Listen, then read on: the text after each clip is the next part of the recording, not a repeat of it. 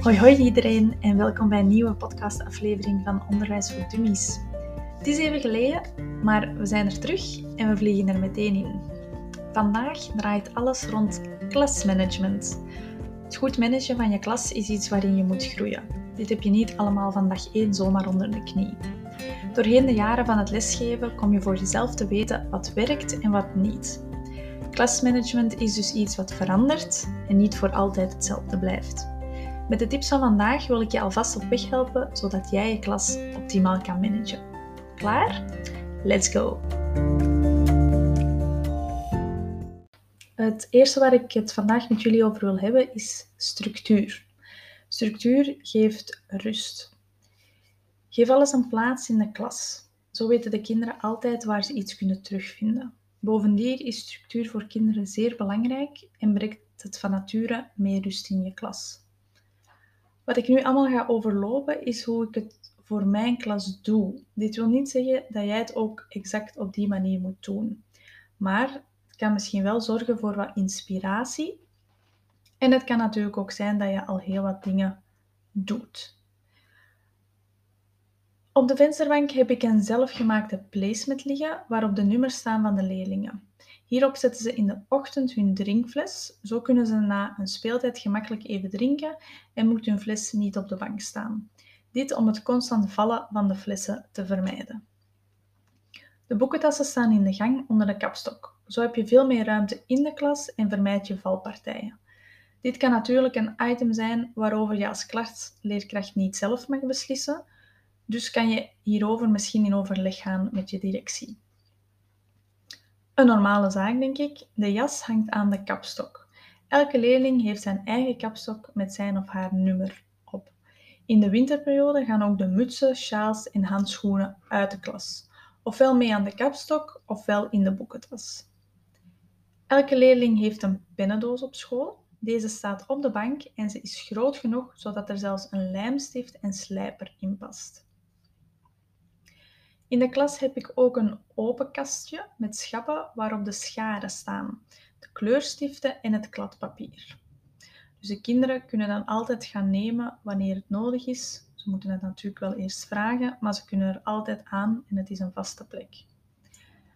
Vooraan in de klas hebben we in een opbergbox het MAB-materiaal staan. Dit materiaal is per kind voorzien in een hersluitbaar zakje. Zo kunnen de kinderen die er gebruik van maken zelf een zakje komen halen en na de les alles weer netjes terug ombergen. Vooraan in de klas staat er ook nog een papiermand en twee vuilbakken. Eén voor restafval en één voor alle plastic. Wij zijn een school die veel belang uh, hecht aan het milieu, dus is het ook belangrijk dat de kinderen dit zelf ook doen in de klas en natuurlijk op school. Een laatste item wat ik echt zou aanraden als je het nog niet hebt: tennisballen aan de stoelpoten. Dit is echt een must. Gedaan met het lawaai wanneer de kinderen achter hun stoel moeten gaan staan of wanneer ze hun stoel moeten verplaatsen tijdens groepswerk. Natuurlijk kan dit alleen maar bij stoelen met vier individuele poten. Bij ons heeft het eerste en tweede leerjaar andere stoelen waarbij dit niet kan. Maar deze maken dan ook niet zo veel lawaai. Oké, tip nummer 2. Klasopstelling. De klasopstelling bepaalt voor een groot deel een goede klaswerking. Als de kinderen en jij als leerkracht vlot kunnen bewegen door de klas, zorgt dit voor een goede werkflow. Je geraakt makkelijk tot bij de kinderen zonder dat je je ergens tussen moet wringen of continu tegen de banken aanloopt. Geloof me, dat scheelt heel wat aan blauwe plekken. Ook voor de kinderen is het aangenaam wanneer ze op een vlotte manier tot bij jou kunnen geraken. Zo vermijd je ook dat ze van alles van hun bank stoten, gewoon omdat ze te weinig bewegingsruimte hebben. Hoe zet je nu de banken? Natuurlijk hangt het allemaal af van de grootte van je klas en of er veel meubilair in de weg staat. Denk maar aan boekentassen, een demotafel, het bord, ook speelt het aantal kinderen een hele grote rol. Je kan veel meer met de banken doen als je een klas hebt van 15 leerlingen in plaats van 22. Dus dit zijn allemaal factoren waarmee je rekening dient te houden en waardoor het soms niet zal lukken zoals jij het had voorzien.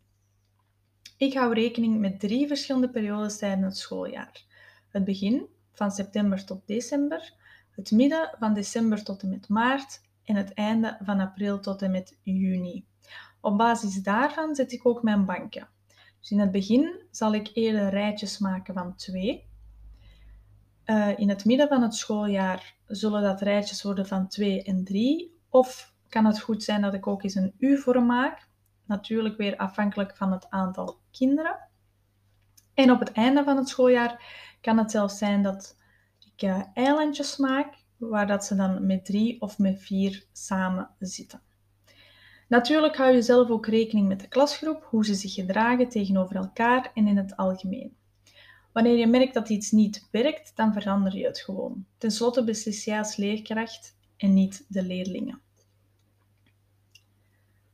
Tip nummer 3. De klasregels. Wat absoluut onmisbaar is om je klas te kunnen managen, zijn de klasregels. Leg ze uit en bespreek ze in het begin van het schooljaar met de kinderen.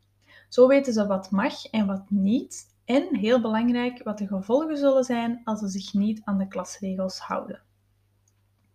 Daarbij is het ook superbelangrijk om consequent te zijn. En geloof me, ik heb veel geduld wat kinderen betreft, dus voor mij is dit nog steeds moeilijk. Ik durf soms wel iets door de vingers te zien. Maar als je een duidelijke structuur wilt in de klas en kinderen die je respecteren en dus ook naar je luisteren, is het echt wel nodig. Je zal merken na verloop van tijd dat het zijn vruchten afwerpt, hoe moeilijk het ook is. Ik zelf werk met een beloningssysteem in de klas. Bij ons op school heeft iedere leerkracht een eigen systeem dat werkt voor zijn of haar leeftijdsgroep. Dus dit beloningssysteem hoeft niet door elke klasleerkracht gebruikt te worden om de werking ervan te doen slagen. Het systeem bestaat uit vier niveaus, vier bollen. een grote bol, en drie kleinere bollen. Deze hangen allemaal onder elkaar. Elk niveau bevat een bepaalde boodschap van boven naar onder. Het bovenste niveau, daar staat vermeld prima, je doet het heel goed. Het tweede niveau, opgepast, ik denk na over mijn gedrag. Niveau 3, dat is al de gevarenzone waarop vermeld staat ik moet mijn gedrag veranderen.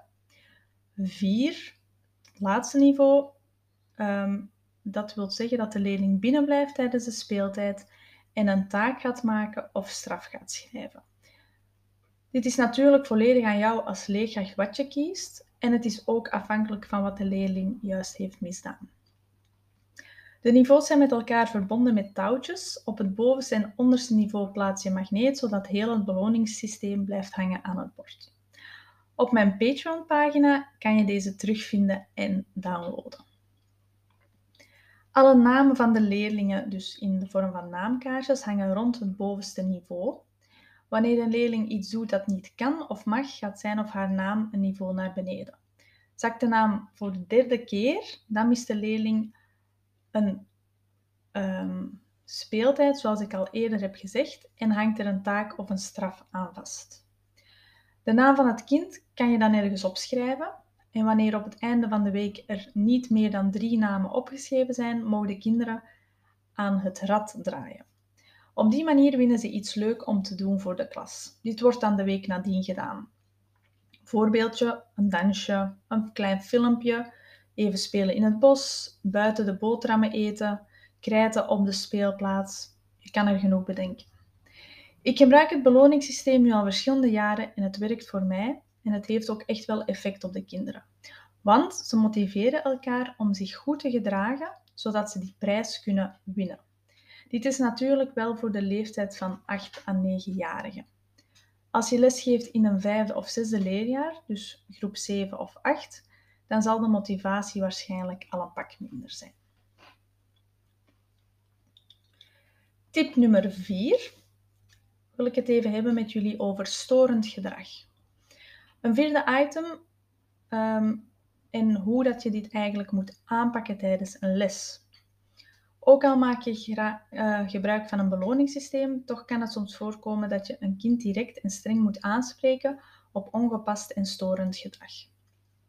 Afhankelijk van de situatie doe je dit voor heel de klas of wacht je bijvoorbeeld tot aan de speeltijd en neem je het kind apart. Voor mij is er niet echt een regel wanneer ik het klassikaal of individueel aanpak. Het hangt ook sterk af van hetgeen de leerling doet of zegt. Bijvoorbeeld, een kind speelt met zijn potlood vliegtuigje of gooit zijn gom in de lucht. Dan kan het voldoende zijn om tijdens je uitleg naar de leerling toe te stappen en het potlood of de gom weg te steken in zijn haar pennendoos, zonder er iets van te zeggen. Doet hij het opnieuw, dan kan je het voorwerp afpakken en op je bureau leggen. Het kind krijgt het dan terug wanneer het werk begint in het werkschrift. Als je op deze manier reageert op ongepast gedrag, haal je ten eerste de aandacht van het kind terug naar de les. Ten tweede moet je je uitleg en dus de les niet stilleggen. En bovendien hou je de focus van de rest van de klas op de les en niet op die ene leerling. Een ander voorbeeldje: een kind zegt iets luidop over een ander kind dat onbeleefd is of kwetsend. Op zo'n moment spreek ik het kind voor heel de klas aan dat dit niet kan. Zo weten de andere kinderen ook dat dit zeer ongepast is en dat ze dit, en dat ze dit dus ook niet moeten nadoen. Wat vooral belangrijk is, is dat je op zo'n moment zelf kalm blijft en op een rustige manier handelt. Zo laat je ook zien aan de kinderen dat je niet op hen persoonlijk boos bent, maar dat je boos bent op de manier hoe ze zich gedragen.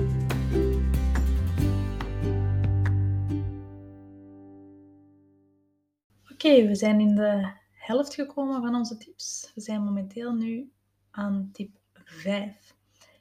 Wees jezelf als leraar. Toch ook een hele belangrijke. Wees wie je bent, maar bedenk wel dat jij een voorbeeldfunctie hebt naar de kinderen toe. Het is niet de bedoeling om te gaan socializen met je leerlingen. Natuurlijk mag je af en toe wel iets zeggen over je eigen leven, maar hou het professioneel. De kinderen moeten niet alles weten. Je wordt geen beste vriendjes met je leerlingen. Je bent er om hen waarden en normen bij te brengen en om hen zo goed mogelijk te helpen de leerstof te verwerken, zodat ze op het einde van het schooljaar over kunnen. Tip nummer 6. Bereid je goed voor. Wil je een vlotte klaswerking? Dan is, het, dan is een goede voorbereiding alles. Zeker wanneer je nog niet lang bezig bent als leerkracht, is het belangrijk dat je elke dag voorbereid naar je klas gaat. Dit wil zeggen, je lessen zijn goed voorbereid, je weet wat je gaat geven, je hebt een duidelijke dagplanning. Dit kan digitaal zijn of op papier. Je to-do's staan ergens duidelijk opgeschreven, zodat je niets vergeet voor die dag. Kopiëren, mails checken, een oudergesprek, overleg met de zorgcoördinator, noem het maar op. Zelfs ik, die al zes jaar voor de klas sta, maak nog steeds een dagplanning. En ik schrijf mijn to-do's op. Zo weet je wat er die dag gaat komen en heb je een bepaalde structuur in je hoofd. Natuurlijk moet je er rekening mee houden dat er wel steeds iets kan veranderen aan je dagplanning. Dit heet flexibel zijn en is een onmisbare eigenschap in het onderwijs. Tip nummer 7. Tijdmanagement. Nog een belangrijk item om je klas goed te kunnen managen. Hou de tijd in de gaten. Zeker in het begin is dit een moeilijke, maar eens je een tijdje voor de klas staat, wordt dit eigenlijk een gewoonte. Als leerkracht ben je een constante time manager. Je zorgt er niet alleen voor dat je je les op tijd afkrijgt, ook de tijd tussen twee lessen is belangrijk. Bijvoorbeeld voor een bewegingstussendoortje, om die ene les nog eens op te nemen die nog moeilijk ging voor heel de klas, om het huiswerk klassikaal te verbeteren, om de agenda in te vullen, om de huistaken of toetsen uit te delen, om brieven reclame mee te geven naar huis, noem maar op. Soms zijn er van die dagen dat niets volgens plan verloopt door afwezigheden van collega's. En dan is het wel een hele uitdaging om alles binnen de tijd van die dag rond te krijgen. Maar dat vind ik juist het leuke aan mijn job. Geen enkele dag is exact hetzelfde. De laatste tip die ik voor jullie heb, maar niet de minst belangrijke. Je bureau in de klas. Dus het bureau van de leerkracht en daarbij de plaats en orde en netheid. Een goede plaats zorgt ook voor een vlotte klaswerking. Doorheen de jaren heb ik al van alles uitgeprobeerd. Vooraan, dus voor het bord. Dit was absoluut niet handig, want er zijn dan heel wat kinderen die het bord niet meer kunnen zien. Plus je hebt als leerkracht dan heel weinig bewegingsruimte als je moet schrijven op het bord achteraan in de klas, in het midden, achteraan. Dat heb ik enkele jaren uitgeprobeerd. Dit vond ik persoonlijk heel handig, omdat je dan alle kinderen in het oog kan houden. Zij zaten dan met hun rug naar mij en zo kon ik zien of ze mooi naar voren zaten tijdens bijvoorbeeld een toets. Een nadeel was dat als ik iets nodig had voor mijn bureau, ik steeds helemaal naar achter moest lopen, tussen de banken door. Niet zo handig dus. De zijkant, de kant van de kasten in mijn klas. Ik heb mijn bureau voor het eerst zo geplaatst en momenteel werkt dit voor mij het beste. Ik kan gemakkelijk in al de kasten als ik iets nodig heb. Wanneer er iemand binnenkomt in de klas, kan deze persoon direct tot bij mij wandelen. Bovendien geraak ik ook op een vlot en snelle manier tot bij het bord. Dus voorlopig is deze een winner. Wat ook belangrijk is, hou je bureau ordelijk en netjes. Alles heeft zijn eigen plekje op mijn bureau. De plakband, de perforator, het nietjesmachine, post-its, balpennen, noem maar op. Bakjes voor toetsen, kopies, die staan links van mij op een extra tafeltje. Daar heb ik ook een bakje voor het huiswerk en staan mijn administratiemappen. De aanwezigheidslijst ligt bij mij ook op een vaste plek. En mijn agenda en weekplanning liggen bovenaan in het midden op mijn bureau. Zo blijft er nog heel wat plaats over die ik gebruik om bijvoorbeeld schriften of toetsen te leggen die nog verbeterd moeten worden. Eens alles verbeterd is, probeer ik dit ook zo snel mogelijk terug uit te delen aan de kinderen, zodat er niets op mijn bureau blijft liggen. Ik weet dat op het einde van de dag het net lijkt of er een bom is afgegaan als je naar je bureau kijkt, maar neem dan even de tijd om alles terug zijn plekje te geven en op te ruimen wat opgeruimd moet worden. Dit duurt slechts 5 minuutjes en je toekomstige zelf zal je dankbaar zijn. Ga regelmatig ook eens met een vochtige doek over je bureau, zodat alle kringen van de koffie of theetassen weg zijn. Zo zien de leerlingen en ook al wie je klas binnenkomt dat jij van een propere werkplek houdt. Wauw, dit was een langere aflevering, maar ik wou graag de tijd nemen om dit onderwerp met jullie te bespreken. Ik hoop dat je wat inspiratie hebt opgedaan om je eigen klas nog beter te managen. Heel erg bedankt voor het luisteren en tot binnenkort. Bye.